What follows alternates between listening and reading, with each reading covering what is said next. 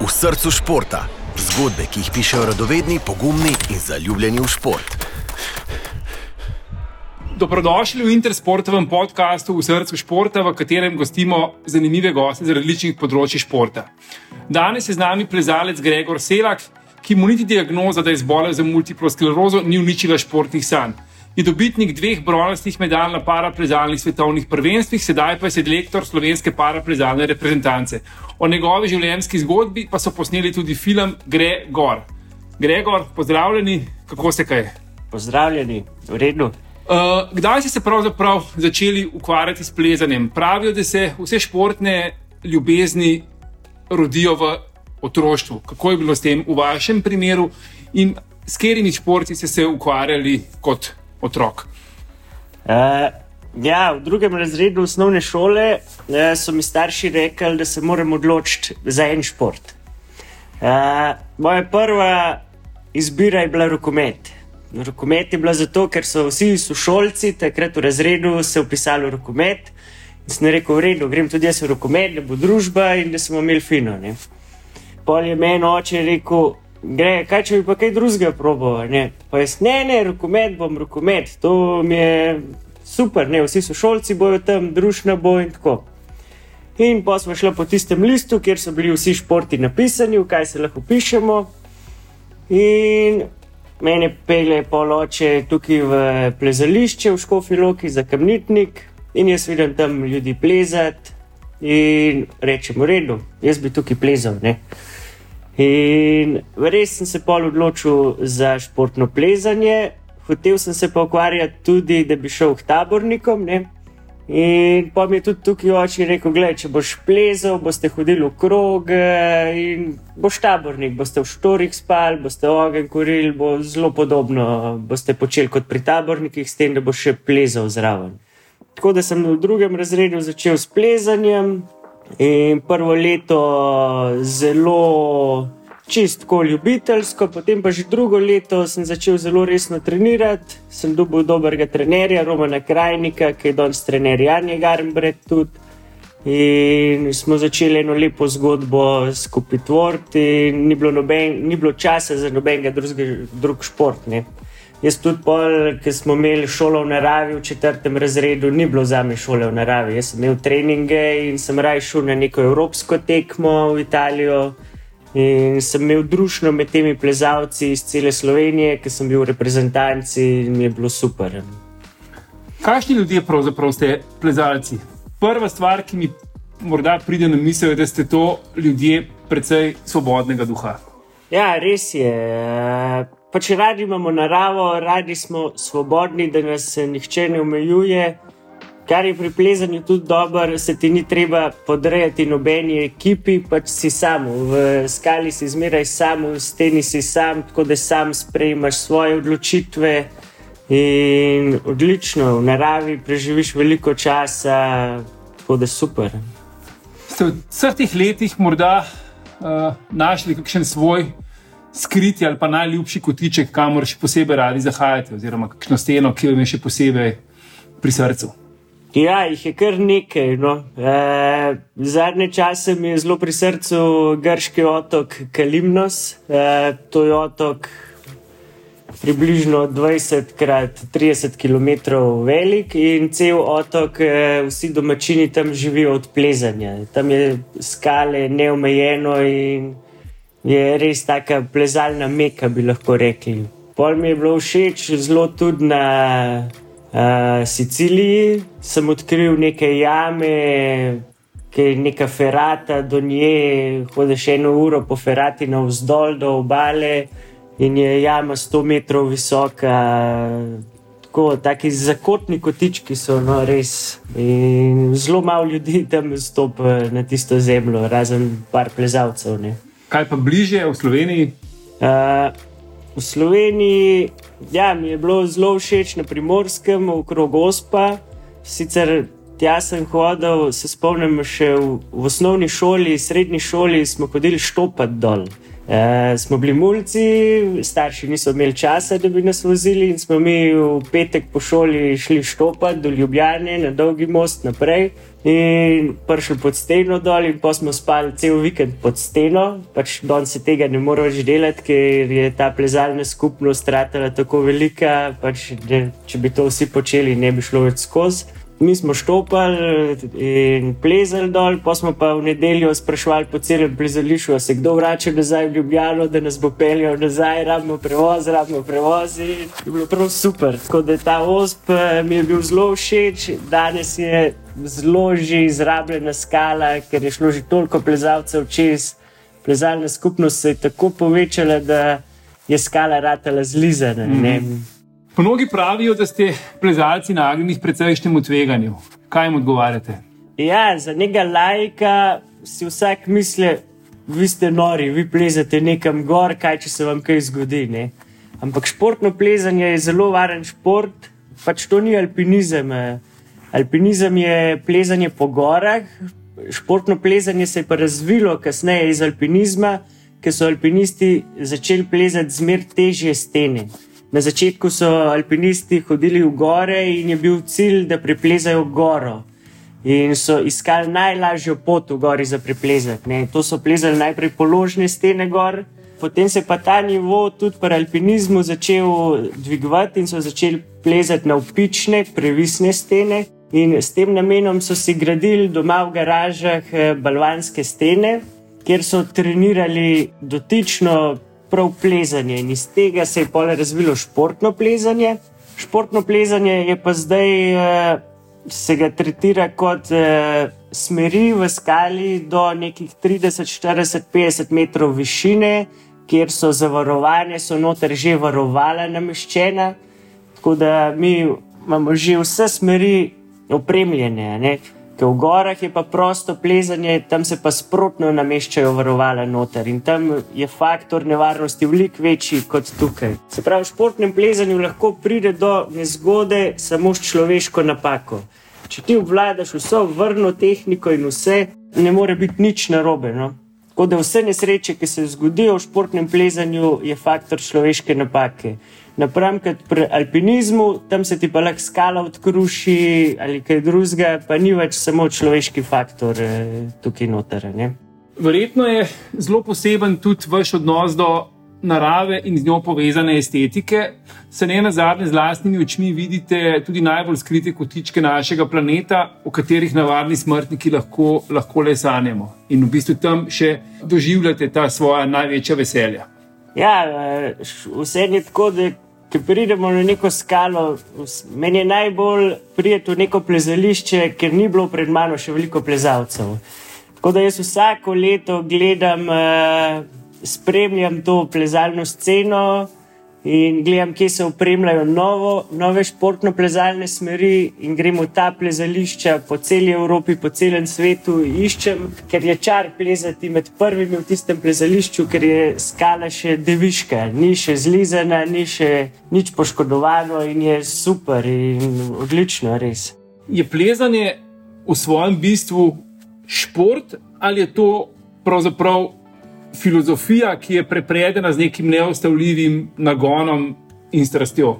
Ste kdaj razmišljali o tem? Ja, v bistvu je oboje. Je šport, uh, jaz sem tekmoval in plezam v skali. Se pravi, šport je v neki meri v tekmovalnem smislu, mi, kjer treniraš uh, z dotičnim namenom, uh, s ciljem, da boš na tekmi usvojil določene cilje, ki si jih zastavil. Ampak jaz sem že kot mali otrok, ko sem treniral, mi je plezanje zelo pomagalo premagovati tudi življenjske težave. Ker pri plezanju imaš isto vzpone in pace, in imaš slabe in dobre dneve.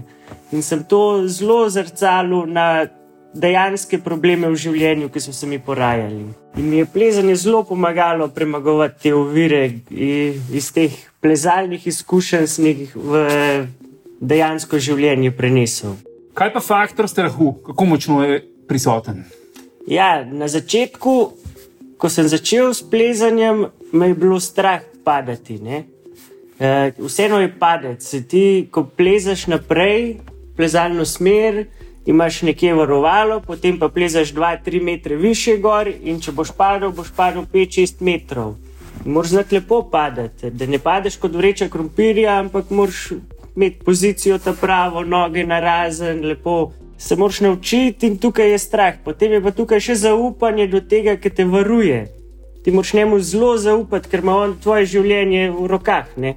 In danes imam neke tri, štiri varovalce, ki jim res zaupam in z njimi rad plezam. Če ne dobim partnerja za plezati, dobim kakšnega drugega, sem zelo bolj previden, ker ne zaupam. Ne grem do konca s svojim plezanjem, raje ma, prej neham, če vidim, da ne bo šlo. Ne? Ste se morda sami pri sebi, mogoče predvsem v teh začetnih letih, uh, soočali tudi s pojmom smrtne nevarnosti? Omenili ste sicer, da je športno plezanje precej bolj varno kot alpinizem, ampak vendarle športno plezanje je dokaj nevaren šport. Oziroma, kako ste se soočili s temi nevarnostmi, v končni fazi smrtno nevarnostjo, oziroma kaj ste se v zvezi s tem pogovorili sami s sabo?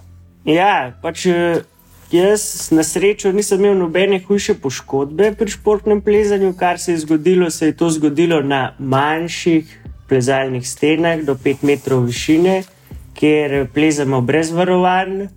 Tam sem padel dol, sem si počel peto, zdrobo peto in tako gležen je velikrat šel. Kar se pa tiče te smrtne nevarnosti, z njo sem se pa srečal v gorah, v bistvu v višjih stenah, ko sem plezal smeri do 1000 metrov višine. Tam sam nameščaš varovanje noter in tam soliraš tudi do 30 metrov višine, in je padec lahko 60-70 metrov globoka. Ne? In pri teh stvareh sem si rekel, v redu, grega, te, to danes sem rekel tako, enkrat na leto grem eno tako smer. Ker več, kot jih greš, povečuješ to tveganje. Tu, če si ti 100% pripravljen, se lahko skala odkruši, lahko kamen na te pade, lahko pridejo močni sunki vetra. To, kar enih različnih dejavnikov je, da sem rekel, zelo mi je všeč to, vendar imam svojo ženo doma, starše, prijatelje. In nečem njih sekirati, sem rekel, ok, jaz si vzamem ta bonus, da grem enkrat na leto eno tako smer, si jo zberem vsako leto in grem. Pač takrat so vsi malo nervozni pred tem, ki prijem nazaj, imamo žurko, preživeli smo v redu, super. Grega, naslednje leto pa ne bo šel več. Ja, ne, imam že nek cilj, že spet za dan gremo. Verjetno poznate tisti pregovori Šamonija, ki velja za svetovno prestolnico alpinizma, plezanja in smutanja. Ta pregovor pravi, da je razlika med pametnim in neumnim plezalcem ali pa alpinistom pravzaprav enaka razliki med življenjem in smrtjo. Bi se strinjali, da je dober plezalec tisti, ki vedno nosi v sebi tisto modrost, da varno pride nazaj v dolino. Ja, to bi se strinjal. Najbolj pameten plezalec je tisti, ki ve, kdaj odnehati, da ne gre z glavo skozi zid, da je toliko pameten, da se bo odpovedal nekemu svojemu cilju, ko bo videl, da se razmere slabšajo ali pa da mu zmanjkuje moči. Bo rekel, no, zdaj pa moram jaz obrniti in iti dol. To je v bistvu še večja zmaga, kot pa da bi prišel do vrha. A bi se morda strinjali, da vaša dejavnost na nek način vključuje tudi neko dozo egoizma? Egoizma, predvsem v smislu neke odgovornosti do bližnjih, do tistih, ki ostajajo v dolini in se tresajo in molijo za vašo usodo, medtem ko se vi soočate z nekim podvigom, ki ste si ga zadali v svoji glavi. Ja, s tem bi se tudi strinjal, vendar vseeno, vseeno pa je tukaj strast. Pač jaz to počnem strastno in kaj, zdaj se bom odpovedal te strasti, te ljubezni, ki jo imam sam sebe bi potiskal dol, če ne bi živel tega, kar sem. Po eni strani, da morajo vsi razumeti, vsak je egoist na koncu. Ne? Vsak tisto stvar, ki jo ljubi, bo se odrekel drugim stvarem. Vsak športnik je egoist. Preživi na treningu, ne vem, po 20 ur na teden in ga ni. In zakaj to dela za svoje veselje na koncu? Ne? Pač nekateri delajo to za denar, v redu pač v plezanju za enkrat. Okay, zdaj je tudi toliko denarja, ratal, ki je postal to olimpijski šport, da se da tudi od plezanja živeti. Kako sta pa vaš šport spremenila vedno boljša oprema in ne na zadnje tudi vsa ta sodobna tehnologija? Ja, nepredstavljivo. To je šlo v zadnjih 30 letih, se je športno plezanje veliko spremenilo. Včasih so plezali, sploh športni plezalci, ni bilo obutve, zdaj imamo posebne čevlje in s tem se tudi viša težavnost nastopna z to vso upremo. Neverjetno, včasih so tudi v alpinizmu plezali z gojzerji, slabimi, danes so te gojzerji, ob- oblačila, neverjetno je šlo naprej. Vaše športno delovanje je ne, za- ne nazadnje zaznamovala tudi bolezen. Pred nekaj leti so vam namreč potrdili multiplo sklerozo. Kako ste se sprijaznili s tem dejstvom in kako pravzaprav nadaljujete z plezanjem, oziroma odkje ste našli to moč, da v bistvu živite z boleznijo in hkrati še vedno naprej gojite to svojo strast do plezanja? To je bilo zelo težko. Jaz sem dobil prve simptome leta 2013 in je trajalo eno leto, skoraj da so meni postavili diagnozo multiple skleroze. Preden so meni postavili diagnozo multiple sklerozo, sem jaz komi prehodil 100 metrov. Sem jaz za 100 metrov potreboval 5-10 minut, da sem jih lahko sploh prehodil brez kakršne koli pomoči. In jaz sem bil v tistem trenutku tudi pomisliti, nisem upal na plezanje. Jaz sem se sam sprašoval, jaz sploh še kdaj lahko normalno hodil. a ne. Meni je bilo že to, ta misel, da ne bom mogel hoditi, me je ubijala. In sem bil na dnu, prav v dreku, do konca. In ker sem dobil diagnozo, sem bil vesel po eni strani, po drugi strani pa pol, ker sem izvedel, kaj je multipla skleroza. Ja, sej ni tako v redu, kot se sliši, ne, da imam diagnozo zdaj. Tako da pol so me zdravniki hitro postavili na noge, pa sem začel eh, že spet nazaj plezati. Jaz sem kar jokal, ker sem šel nazaj plezati, ker sem že spet občutil to gibanje na steni, ker sem ga pogrešal eno leto, dve, ki ga ni bilo. In sem rekel, no, jaz bom plezal tudi, če se mi noge tresejo, če gre vse na robe, jaz bom gor po steni šel, nima veze, kaj se dogaja z mano. In pol mi je tudi plezanje, se mi zdi, da mi je zelo pomagal pri tem, ker meni so se noge tresle in pri plezanju moraš noge zelo natančno postavljati, pa pritiskati na noge, vso težo dajati na njih, na eno nogo, na drugo nogo. In se mi zdi, da sem dobil neko moč nazaj in mi je ful pomagal. A je možno obrniti tudi z nekega drugega zornega kota, naprimer, da vam plezanje pomaga v boju proti bolezni. Plezanje je ta aktivnost, ki je za to vašo bolezen v bistvu na nek način koristna. Ja, jaz bi rekel, da ja, zato ker moraš zelo razmišljati z glavo. Vsak, pač, ko plezaš, ne razmišljaš nobene druge stvari. Ker, ko, ko greš laufat, imaš še zmeraj čas, lahko razmišljaš druge stvari. Ko greš na kolo, še zmeraj lahko razmišljaš druge stvari.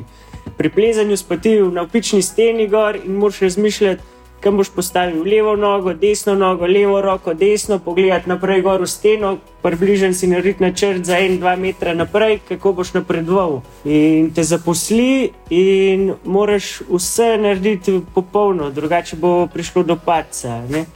Ampak se mi zdi, da za multiplo sklerozo kjerkoli šport pomaga. Pač, ker te počneš nekaj, kar te veseli, in boš nek zadovoljstvo, psihično zadovoljstvo boš dobil, ker boš se počutil, da si nekaj naredil zase, nekaj dobrega. Ne? Zdaj govorite o teh psiholoških dejavnikih, kaj pa čisto v bistvu te fiziološki dejavniki. To je pa zelo težko, jaz sem imel tudi prijatelje, ki so mi hoteli pomagati. Ne? Ker pri multipli sklerozi ni zdaj problem v mišice. Ti nimaš eh, povezave nevrološke, ne? Živčni sistem ti ne dela. Ne? In sploh ni tukaj, da ti mišice ne delajo.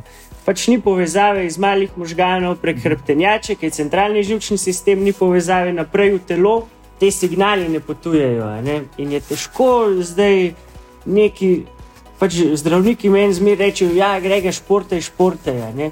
In jaz pol zdravniku, ja, jaz zdaj toliko športam, a ne, da sem po treningu čez matran. Ja, grega tu mogoče ni najbolj, a ne. Ja, Dej, lih malo manj, ne. Sem rekel, ja, pa jaz sem jih takrat zadovoljen, ker sem čist z- zgonen, ne, da komi diham še. Tako da tudi zdravniki ne vejo, kje je zdaj ta meja za multiplo sklerozo. Pač vsem priporočajo šport, a ne. Ampak tle so poškodbe na centralnem živčnem sistemu in nima veze z mišicami, in je tako težko je. A ste kdaj premišljali, kako bi bilo, če bi se nehali ukvarjati s plesanjem? Ni opcija. Ne govorim, ne govorim o, o tem uh, smislu vaše strasti, ampak v smislu tega, kako plezanje v bistvu pomaga pri anuliranju multiple skleroze. Ne bi bilo v redu. Ni to opcija, res. Skratka, plezanje je v vsakem primeru Ja. blagodajno. Plezanje v vsakem primeru, ja, sigurno. Že nekaj časa ste tudi selektor slovenske para plezalne reprezentance. Kako močno je v vas prisotna želja, da bi svoje znanje posredovali mlajšim generacijam? Ja, zdaj, ko sem postal selektor eh, slovenske paraplezalne reprezentance, sem dobil zelo nov izziv, zelo dober. Eh, Delam tukaj, zdaj imam dve slepi tekmovalki, kar mi je sploh fascinantno, da se slepi odločijo za plezanje in jaz sem njihove oči. Tem dvem slepim, oni dve imata audio povezavo, imamo, imajo slušalko v šesih, jaz jim pa po mikrofonu govorim, kje so uprimki, ker ste čist slepi, ne vidite nič, tema. In ima govorim za vsako roko posebej, levo, levo, levo, levo, više, stranski prijem, lukenca za dva prsta, desna noga više, leva noga više in jih jaz usmerjam do vrha smeri. Potem imam eno punco, ki je, se je rodila brez prstov na eni roki, pa enega fanta, ki je bil bivši alpinist in je padal v nekem slapu 40 metrov, si je zlomil drugo, tretje vretence in je od pasu dol. Eh, v bistvu paraplegik in pleza po rokah, od nog modela v bistvu samo zadnja stegenska mišica, tako da lahko lih malo noge predstavlja. In imam dober izziv, kako zdaj njih izboljšati. Eh, Na začetku sem samo gledal, kako plezajo. In zdaj sem začel delati na njihovih šibkih točkah, in je zelo dober napredek smo se dobro ujeli, smo zelo dobra ekipa in meni je zelo veselje. Vsakeč, ko pridem s treninga, sem zelo zadovoljen, ker vidim, da so oni entuzijasti, da hočejo napredovati in mi je super delati s takimi ljudmi, ki imajo željo po napredku. Kaj pa vaša druga življenjska veselja, ki jih imate še poleg plezanja, katera so? Zdaj, lansko leto sem začel obdelovati svoj vrt, imam nekih 400 kvadratov vrta. Tako da je v bistvu kar niva, no, nilih vrt, posadil sem drevesa, tudi jabolka, hruške, češnje in maline, jagode in velik vrt, tako da imam zdaj kar dosti dela tudi z vrtom. Pol pa živali, imam svojega psa, mačka, ženo, potovanja. Potovanja so pa itak eh, vse prilagojena plezanju. Kamorkoli grem na potovanje, pogledam, kje so plezališča, po celi Evropi je plezališč v skali veliko, tako da zmer pogledam, eh, kje so plezališča, meni žena zmer grega, greva tja, greva tja. Jaz to redu, počakaj malo, da pogledam, kje je najbližje plezališče tam. Ok, greva. Ne, tle ni dobro za plezati, ne greva. Gregor, najlepša hvala za ta zanimiv pogovor. Eh, Želim vam vse dobro na vaši poti. Poslušalce pa še naprej vabim, da spremljate naš podcast v srcu športa, kjer bomo tudi v prihodnosti gostili podobno zanimive goste, kot je bil naš današnji gost Gregor Selak. Ostani v srcu športa. Prisluhni še več zanimivim zgodbam, ki jih najdeš na intersport.si.